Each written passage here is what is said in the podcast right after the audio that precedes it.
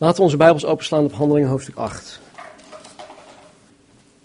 Handelingen 8, vers 1. En Saulus stemde in met zijn dood. Dat is de dood van Stefanus. Hij werd in het vorige hoofdstuk werd hij gestenigd. En er ontstond op die, dag, op die dag een grote vervolging tegen de gemeente die in Jeruzalem was. En zij werden allen verspreid over de landstreken van Judea en Samaria, behalve de apostelen. En godvrezende mannen droegen Stefanus samen naar het graf en bedreven grote rouw over hem. En Saulus begon de gemeente te verwoesten. Hij ging de huizen binnen, sleepte mannen en vrouwen mee en leverde hen over in de gevangenis. Zij dan, die overal verspreid waren, trokken het land door en verkondigden het woord. En Filippus draalde af naar de stad van Samaria en predikte hun Christus. En de menigten hielden zich eensgezind aan wat door Filippus gezegd werd, omdat zij luisterden en de tekenen zagen die hij deed. Want bij velen die onreine geesten hadden, gingen die er onder luid geschreeuwen uit. En veel verlamden en kreupelen werden genezen. En er ontstond grote blijdschap in die stad. En een zeker man van wie de naam Simon was, bedreef reeds hiervoor de stad toverij en deed het volk Samaria versteld staan, terwijl hij van zichzelf zei dat hij een groot man was. Allen van klein tot groot hingen hem aan en zeiden, deze man is de grote kracht van God. En ze hingen hem aan, omdat hij hen lange tijd met toverijen versteld had doen staan. Maar toen zij Filippus geloofden, die het evangelie van het koninkrijk van God en van de naam van Jezus Christus verkondigden, werden zij gedoopt, zowel mannen als vrouwen. En Simon geloofde zelf ook, en nadat hij gedoopt was, bleef hij voortdurend bij Filippus, en toen hij de tekenen en grote krachten zag die er gebeurden, stond hij versteld. Dan gaan we iets verderop naar, naar vers 26. En een engel van de Heere sprak tot Filippus en zei, sta op en ga naar het zuiden, de weg op die, de weg op die van Jeruzalem afdaalt naar Gaza, die eenzaam is. En hij stond op en vertrok, en zie een Ethiopiër, een kamerheer, en een machtige heer van de Kandaken, de koningin van de Ethiopiërs, die heel haar schatkist beheerde en gekomen was in Jeruzalem te aanbidden, keerde terug. En hij zat op zijn wagen en las de profeet Jesaja. En de geest zei tegen Filippus, ga er naartoe en voeg u bij deze wagen. En Filippus snelde er naartoe, hoorde hem de profeet Jesaja lezen en zei, begrijpt u ook wat u leest? Oftewel, snap je het? Maar hij zei, hoe zou ik dat kunnen als niemand mij de weg wijst? Oftewel, als niemand mij het uitlegt. En hij verzocht Filippus op de wagen te klimmen en bij hem te komen zitten. En het schriftgedeelte dat hij las was dit. Hij is als een schaap naar de slachting geleid, en zoals een lam stemloos is bij de scheerder, zo doet hij zijn mond niet open. In zijn vernedering is zijn oordeel weggenomen, en wie zal, wie, en wie zal zijn afkomst vertellen? Want zijn leven wordt van de aarde weggenomen.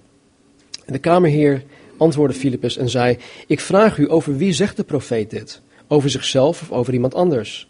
En Filippus deed zijn mond open en uitgaande van dat schriftwoord verkondigde hij hem Jezus. En terwijl zij onderweg waren, kwamen zij bij een water. En de kamerheer zei, kijk, daar is water, wat verhindert mij gedoopt te worden?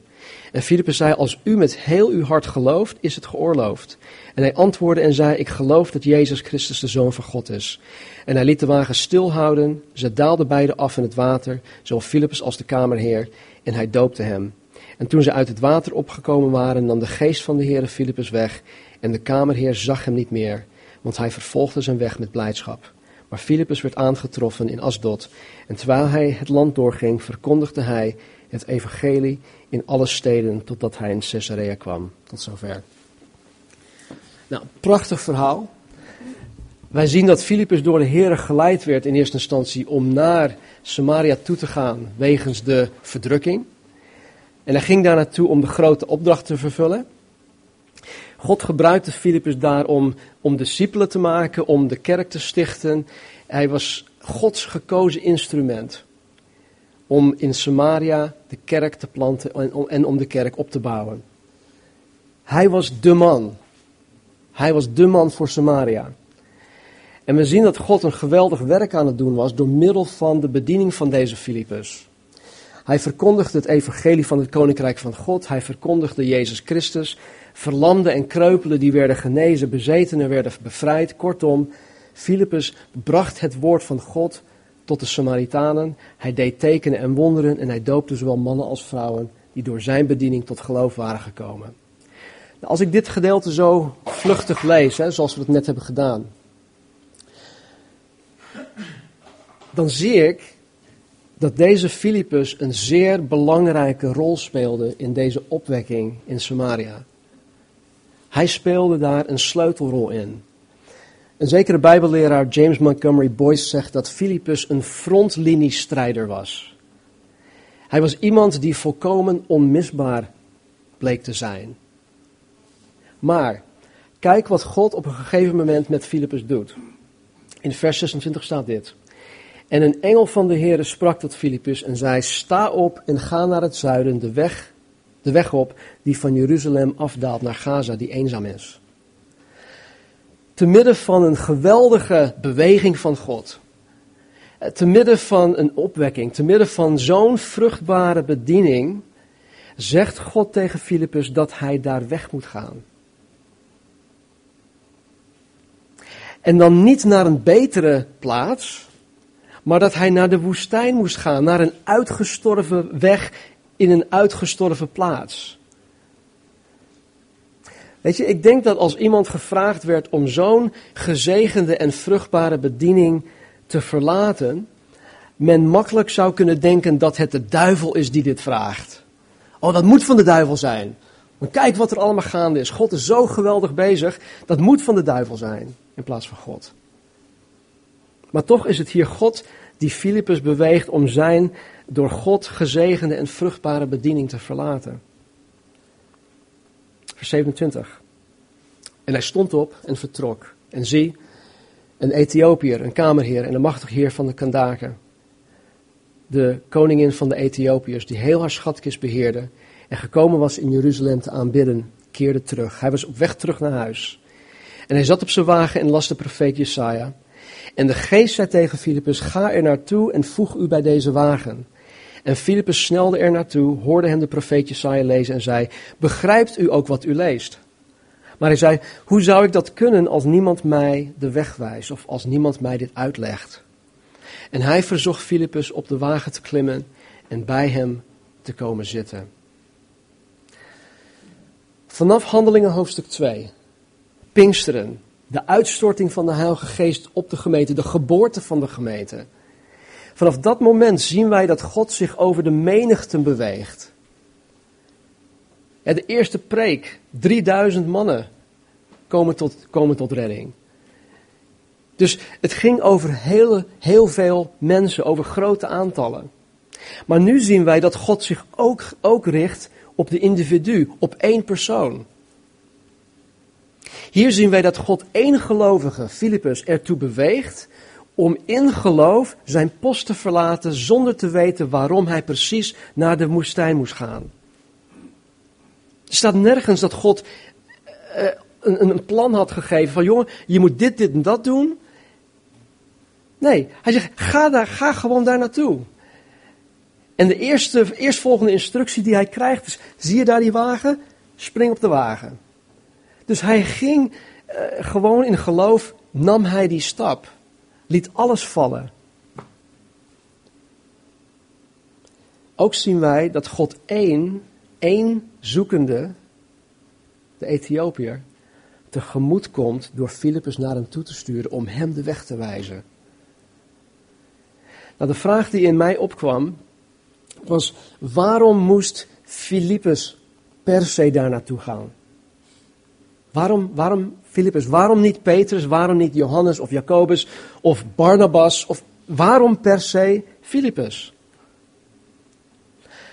Van de week had ik een gesprek met iemand van de gemeente waarin ik tegen die persoon zei dat God een God van maatwerk is. En dat is hij ook. Hij gaat met een ieder van ons aan de slag zoals wij dat nodig hebben.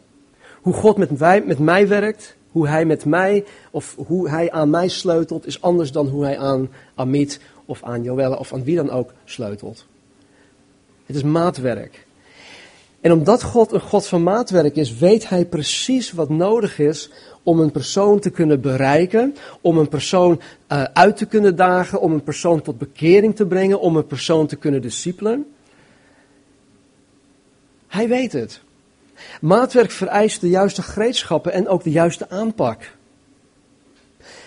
Wij kunnen allemaal dezelfde waarheid hebben, Maar hoe, hoe ik de waarheid aan iemand overbreng, is anders hoe, hoe Rick de waarheid aan iemand overbrengt. En God weet precies welk instrument hij nodig heeft om dezelfde waarheid aan die persoon of aan die persoon of aan die persoon over te brengen.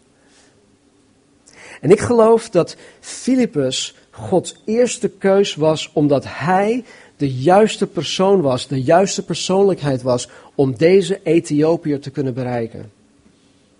Hij was de juiste persoon om deze Ethiopiër te kunnen onderwijzen, om hem uiteindelijk tot bekering te brengen. Maatwerk.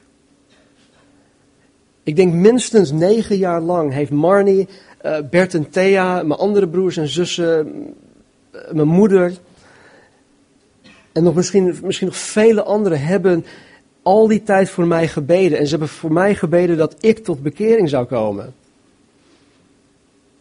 In deze tijd hebben ze ook allemaal hun best gedaan om mij tot geloof te brengen.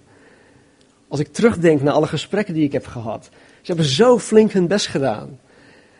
En ik waardeer het echt, want ik zie nu, ik weet nu, dat hun gebeden en hun, hun, hun invloed onmisbaar is geweest in het proces die mij uiteindelijk tot bekering heeft gebracht. Maar, luister heel goed, dit is zo belangrijk. Maar, uiteindelijk moest het per se Kobus Diaz zijn die mij hielp om in september 1990 mijn hart en leven aan Jezus Christus over te geven. Het moest per se Kobus zijn. Die helemaal uit Nederland naar Californië toe was gekomen om mij te kunnen bereiken, om mij uit te kunnen dagen, om mij tot bekering te leiden, om mij te gaan discipelen.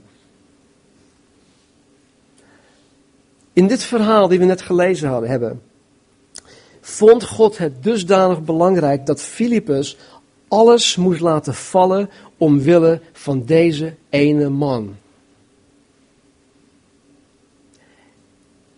En God vond het dusdanig belangrijk, en daar ben ik zo dankbaar voor, dat Kobus Diaz helemaal uit Nederland naar Californië moest komen omwille van mij.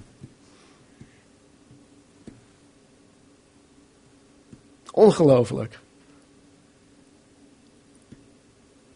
Onze jongste dochter Kendall, jullie weten het, die was zo ontzettend ver weg van God gegaan. En velen van ons, Vele gemeente hebben zo lang voor haar gebeden. En velen hebben hun uiterste best gedaan om haar te kunnen bereiken. Maar het was niemand uit haar directe omgeving gelukt. Wij niet. haar ouders niet. Jullie niet. Maar God vond het dusdanig belangrijk dat hij in 2011 een team jongvolwassenen helemaal uit Boise, Idaho naar Nederland toestuurde om haar te kunnen bereiken.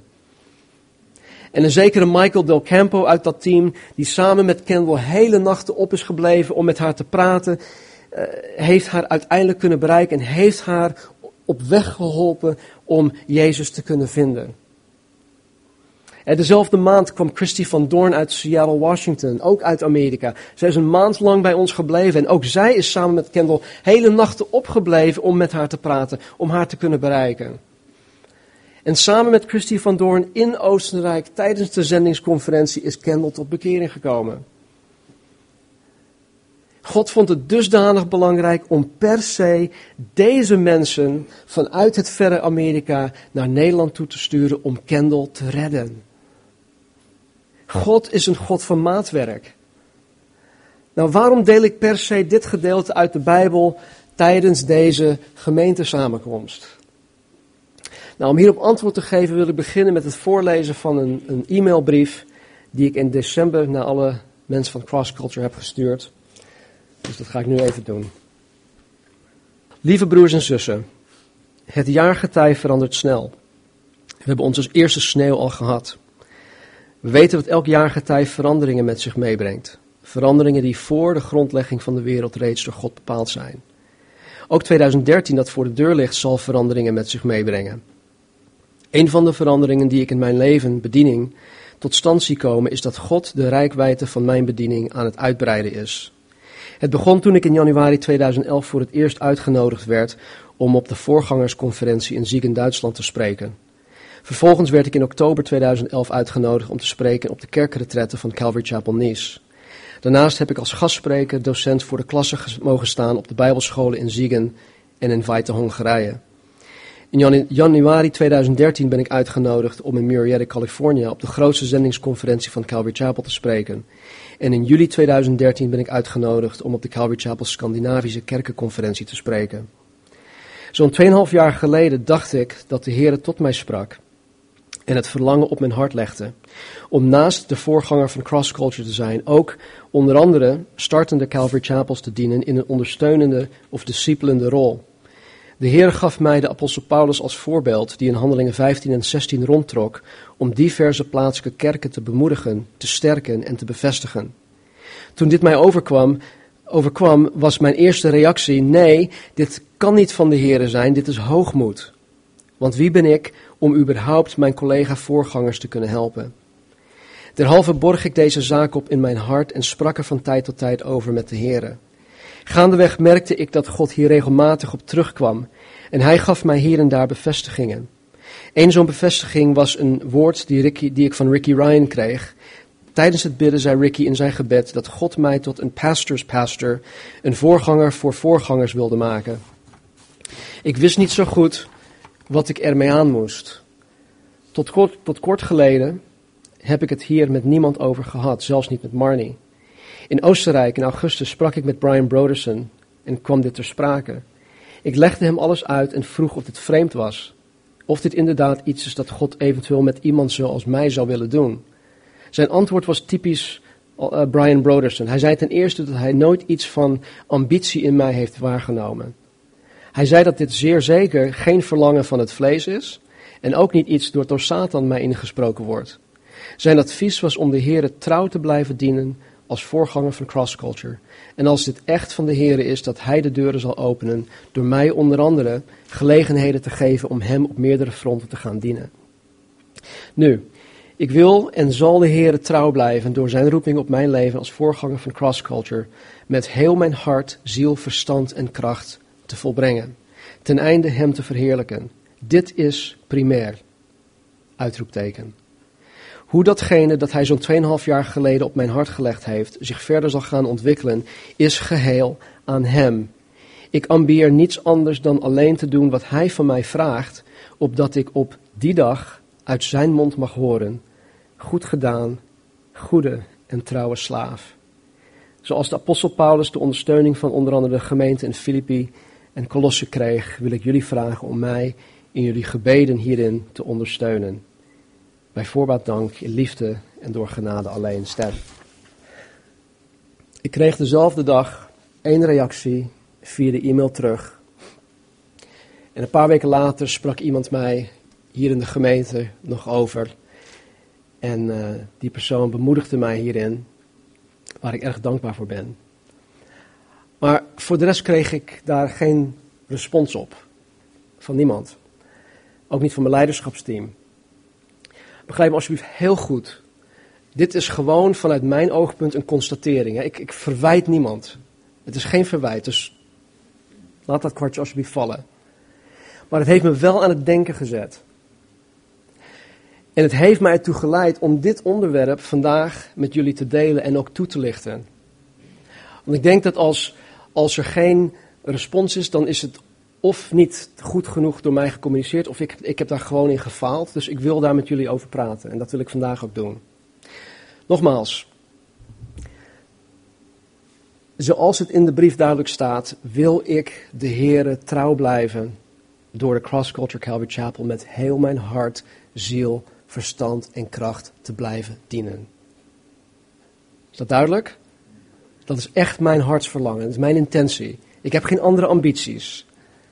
Maar als de Heer van mij vraagt om op een conferentie of op een kerkretrette te spreken, of als God het dusdanig belangrijk vindt dat, dat ik per se, of Marnie en ik per se, ergens naartoe moeten gaan om iemand te bereiken, dan zullen we ook gaan.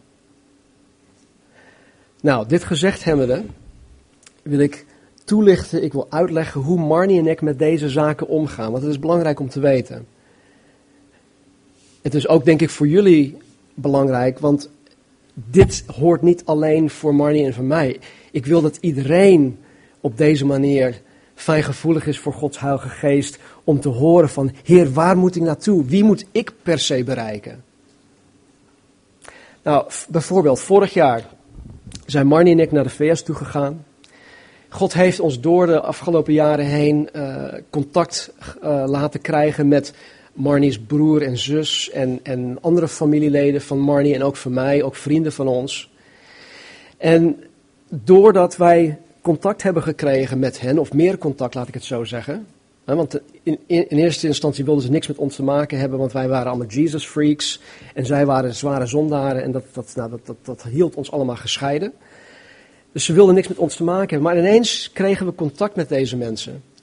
En door dat contact begonnen Marnie en ik gewoon meer voor, voor deze mensen te bidden. En doordat wij met, voor deze mensen gingen bidden, kregen wij ook meer en meer op ons hart om, uh, om meer contacten te willen krijgen met hun. Vervolgens kregen wij dus ook gewoon het verlangen om naar hen toe te gaan. Om hen uiteindelijk te kunnen bereiken. Kijk, Skype en e-mail en Facebook en alle moderne media is, is, is goed. Maar niets kan een persoonlijke aanraking of een face-to-face contact vervangen. Echt niet. In, in Romeinen 1, vers 8 tot 12 schrijft apostel Paulus dit. Hij zegt, allereerst nu dank ik mijn God door Jezus Christus voor u allen, omdat uw geloof in de hele wereld wordt verkondigd. Want God, die ik in mijn geest dien in het evangelie van zijn zoon, is mijn getuige hoe ik zonder ophouden aan u denk. Steeds weer vraag ik in mijn gebeden of mij, zo mogelijk door de wil van God, eens een goede gelegenheid geboden zal worden om naar u toe te komen. Want ik verlang er vurig naar u te zien, om u in enige geestelijke genadegave te laten delen, waardoor u versterkt zou worden. Dat is te zeggen, om in uw midden samen bemoedigd te worden door het onderlinge geloof, zowel dat van u als dat van mij. In het diepst van het hart van Paulus wilde Paulus per se naar Rome toe gaan. Hij wilde naar naartoe gaan om iets voor hen te kunnen betekenen, om hen te dienen, om hen dichter bij God te willen brengen. En dit is absoluut niet iets van onszelf, maar voor Marnie en mij geldt precies hetzelfde. Wij verlangen er vurig naar om deze mensen te zien, zodat wij door God, door de God van maatwerk, gebruikt kunnen worden om hen dichter bij God te brengen. Natuurlijk kunnen we zeggen van ja, maar God kan ook iemand anders gebruiken. Maar als God per se mij wil gebruiken, dan heeft hij daar een reden voor. Dan heeft hij daar een bedoeling mee. Als God per se Anita wil gebruiken, dan heeft hij daar een reden voor. Laat God God zijn. Natuurlijk kan God allerlei andere dingen doen, maar hij heeft ervoor gekozen om menselijke instrumenten te gebruiken. Dus het begint bij Marnie en mij als een vurig verlangen in ons hart. En zoals Paulus vragen wij ook steeds weer in onze gebeden of God ons een gelegenheid zal bieden om deze mensen te gaan bezoeken. En vervolgens gaan we ook biddend kijken naar Gods timing. Heer, wanneer wilt u dat, u dat wij gaan? Wanneer gaat u voor ons de deur openen? Kijk, vanuit mijn oogpunt is het beter te gaan om wanneer de vliegtarieven heel goedkoop zijn. want het is gewoon heel duur om daar te komen. En dit sluit het hoogseizoen van juni tot september helemaal uit, want dan zijn de prijzen gewoon het dubbele. Ik heb nu iets van 1780 euro moeten betalen. Is nog niet, dit is buiten het, het hoogseizoen, nog voor het hoogseizoen. Ik moet ook weg kunnen gaan van de gemeente. Ik moet een vervanging kunnen, uh, kunnen regelen voor onder andere de zondagen, maar ook andere dingen. Ik moet ook vrij kunnen krijgen van mijn werkgever. Het moet aan de andere kant in de VS ook goed getimed zijn. En want ook zij hebben met werk en met school te maken. Er komt heel veel bij kijken. Maar hoe dan ook, wij hebben gemerkt dat Gods timing tot nu toe altijd perfect is. Maar we moeten wel fijngevoelig zijn voor zijn leiding hierin. Nou, bepalend, en misschien hoort het niet zo te zijn, en misschien is het omdat mijn geloof nog niet zo groot is, maar bepalend is uiteindelijk toch nog steeds Gods voorziening. dat God voorzien zal in alle financiën, in alle noden die wij hebben. En dan vragen wij, Heer, als u wil dat wij gaan, als u dit van ons vraagt, dan moet u gaan voorzien. Wij hebben het niet. En we maken deze nood niet bij mensen bekend. We vragen niet aan jullie, ik vraag ook niet aan onze supporters in de States. We vragen het aan niemand, we vragen het alleen aan God. Vliegtickets naar de westkust van de VS kosten nu op dit moment tussen de 850 en 950 euro per persoon. En als je eenmaal daar bent, dan heb je een auto nodig. Degenen die Amerika een beetje kennen, die weten dat. Je moet ergens kunnen slapen, je moet eten en deze dingen kosten allemaal een hoop geld. Marnie en ik hebben geen spaarpotje. We hebben, geen spaarrekening. We hebben niets voor ons pensioen opgebouwd. We hebben niet eens een pensioen gehad, we hebben gewoon geen pensioen. Wij leven uit geloof dat God voor ons zal zorgen en dat Hij zal gaan voorzien. En dat heeft Hij de afgelopen twintig jaar sinds we hier zijn, dag aan dag voor ons gedaan. Elke dag weer opnieuw. We zijn er nog steeds. En ik zeg dit omdat wij het ons totaal niet kunnen permitteren als gezin om zo'n reis te kunnen betalen. Dat is onmogelijk voor ons. We hebben het geld er gewoon niet voor. Dus wanneer God ons op een wonderlijke manier voorziet in al deze dingen, dan is dat voor ons beiden een bevestiging dat God gewoon wil dat wij gaan. Want zo bidden wij vanaf het begin al, Heer, als u wil dat wij gaan, dan moet u dit, dit en dat voor ons doen. Anders gaat het niet. En gaandeweg leidt God ons, bevestigt Hij ons in dingen. En wanneer wij dan deze deur voor ons open zien gaan, dan weten wij dat God het gewoon doet. Vorig jaar hadden wij het geld er ook niet voor. Surprise. En, maar we hadden het op een gegeven moment op een avond zo sterk op ons hart.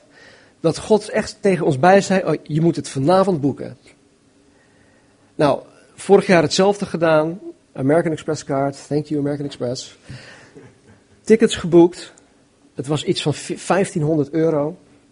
Dat betekende dus dat wij 30 dagen tijd hadden om 1500 euro op te hoesten dat we niet hadden.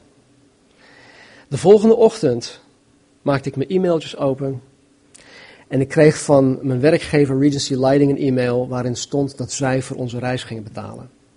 Want ze wilden ook dat ik in die periode voor een week bij hun zou komen werken. Dus dat wisten wij van tevoren dus totaal niet. Het ging allemaal stap voor stap. En God liet het ons elke keer stap voor stap zien. Is dat toeval dat Regency voor ons had betaald? Ik denk het niet. Gaandeweg en stap voor stap bevestigt God zijn wil en zijn plan voor ons hierin. We waren in het begin van 2012 al hiermee bezig en uiteindelijk zijn we negen maanden later in september gegaan. Ook hoe wij onze tijd en energie daar besteden en verdelen is een kwestie van gebed. We krijgen een verlangen om bepaalde mensen op te zoeken. Vervolgens gaan we hun e-mailen of gaan we hun bellen of gaan we met hun skypen te kijken of het hun ook uitkomt. We trachten van tevoren altijd iets in te plannen, maar tegelijkertijd houden we ook een slag om de arm om de Heilige Geest de vrijheid te geven om ons of ergens anders naartoe te sturen als Hij dat wil, of ergens anders of ergens langer te laten blijven, enzovoort, enzovoort. Dus we maken plannen, maar we zijn tegelijkertijd ook flexibel in hoe God ons wil sturen en leiden. En het is elke keer weer, en ik raad het jullie echt aan, doe dit gewoon. Want het is elke keer weer een gigantisch groot avontuur om door de Heilige Geest, door God geleid te worden, om door God geleide afspraken te krijgen. Divine appointments door God. Wat ik nu ga vertellen is niet om te roemen, want wij zijn niet zo bijzonder, Marnie en ik. Dit is echt, we roemen op Jezus Christus. Maar door ons bezoek van vorig jaar zijn de broer en schoonzus van Marnie, Peter en Chris, tot geloof gekomen. Ze hebben zich aangesloten aan een kerk dicht bij hun in de buurt. Ik denk dat ze sinds die tijd uh, twee of twee keer gemist hebben. Zij willen zich ook laten dopen. Dus misschien ben ik degene die bevoorrecht is om hun ergens in mei te gaan dopen? Dat weet ik niet. Een andere schoonzus van Marnie, die Stacy heet, en haar kinderen hebben zich aangesloten bij een kerk. Een 84-jarige Nederlandse man, die heb ik al een paar keer gezien en gesproken in, in, in Arizona. Hij vertelde mij vorige keer toen wij er waren dat hij, dat hij zelfmoord wilde plegen. Hij was ernstig ziek, zag zichzelf alleen maar als een last voor zijn zoon. En hij wilde zelfmoord plegen. Hij is anderhalve maand geleden als wedergeboren christen aan zijn ziekte overleden.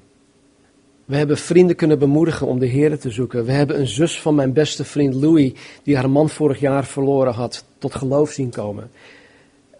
Die gaat nu samen met haar tweelingzoons van 14 jaar ook naar een gemeente. We hebben mijn familie kunnen bemoedigen en sterken in het geloof. Ik heb verschillende kerken of in verschillende kerken mogen spreken, waardoor mensen gesterkt en bemoedigd zijn. Toen ik in januari op de missionsconferentie in Murrieta mocht spreken, kwamen naderhand de hele week, ja, ik, ik, sprak aan het begin van de week en we waren daar tot vrijdag. En elke dag kwamen er mensen naar Marnie toe. We konden niet eens lopen zonder dat mensen ons, ons uh, aanspraken om, om tegen, tegen ons te zeggen dat wat, wat, wat ik gedeeld had, hen bemoedigd had om die stap te gaan zetten om uiteindelijk toch het zendingsveld in te gaan. Mijn oudste zus die niet gelooft, kwam naar de conferentie toe om mij te horen spreken. Mijn neef die ik 25 jaar niet had gezien, kwam ook naar de conferentie toe. Ik wist niet eens dat hij er zat. Ik was vooraan bezig met mensen uh, kennis te maken en, en, met mensen aan het praten. En ineens uh, zag ik een man naar me toe lopen. Ik zeg, hi, ik ben, I'm Stan Marinus. he goes, yeah, I know. He goes, I'm your cousin Andrew. I said, no way. Nou, dat was zo'n rare gebeurtenis. Maar zo, zo gaaf. En die zit nu ook in een Calvary Chapel. Kortom, deze reizen worden niet alleen door God bevestigd in de planningfase, maar vooral wanneer we daar zijn, zien wij de vrucht van wat God met ons aan het doen is. Nu dit, tot slot. Ik ben jullie voorganger. Ik mag jullie voorganger zijn, want ik zie het als een, een voorrecht. Ik zie het als een privilege. Ik mag jullie voorganger zijn. En ik hoop echt dat jullie zonder twijfel weten dat ik mezelf helemaal geef, zodat jullie de best gevoede en meest geliefde christenen in Hoofddorp zullen zijn. Misschien is dat in de realiteit niet zo, maar zo zie ik het wel. Zo, met, met dat voor ogen zet ik me elke dag weer in. Dat is mijn hartsverlangen, dat jullie de best gevoede, meest geliefde christenen zullen zijn. Jezus zei tegen Petrus, toen Jezus hem herstelde, in Johannes 21 geloof ik, Petrus, heb jij mij lief? Petrus, ja natuurlijk heb ik u lief. Nou, na drie maal dit gezegd te hebben, zei Jezus, oké dan, hoed en wijd mijn schapen en mijn lammeren. Zorg voor hun, voed hun. Mensen, dit is mijn doel, dit heb ik voor ogen. Maar Uiteindelijk ben ik Gods dienstknecht. Er is maar één aan wie ik mezelf moet uh, verantwoorden. Uiteindelijk. Wanneer ik voor hem sta. Ik ben Gods dienstknecht en ik wil hem boven alles gehoorzamen. Dus wanneer God van mij vraagt om te gaan, of wanneer God mij de gelegenheid schenkt om anderen te bereiken, dan ga ik dat doen. En het is niet zo dat ik zomaar een in, in, in, een opwelling een idee krijg van, joh, laten we een keertje naar Amerika toe gaan. Ik heb zin in vakantie of zo. Nee, dat is het echt niet. Natuurlijk genieten wij daar van bepaalde dingen. Maar dat is niet en het is ook nooit de insteek geweest. En wat voor Marnie en voor mij hierin heel veel betekent, is dat wij kunnen rekenen op jullie steun. Dat wij kunnen rekenen op jullie gebeden, op jullie begrip, op jullie vertrouwen. Dat betekent heel veel voor ons beiden. Want wij doen dit uiteindelijk samen. Wanneer Marnie en ik daar zijn, dan vertegenwoordigen wij niet alleen Jezus Christus, maar wij vertegenwoordigen jullie. En het is zo fijn om, om mensen naast je te hebben staan, om mensen achter je te hebben staan. Want het is een gevecht. Vraag maar aan Bert en Thea wat voor strijd zij hebben wanneer zij naar Amerika toe gaan. Het is een soort van frontliniegevecht. Maar het is een geweldig iets wat God met ons doet. Ik wil het hierbij laten. Ik wil jullie de gelegenheid stellen om op dit onderwerp vragen te stellen, opmerkingen te geven. Maar wil ook naar voren te komen. We hebben hierna nog een paar dingen die we, met jullie mee, uh, die we met jullie willen delen. Maar ik wil even de tijd nemen om jullie opmerkingen te horen, jullie vragen te beantwoorden.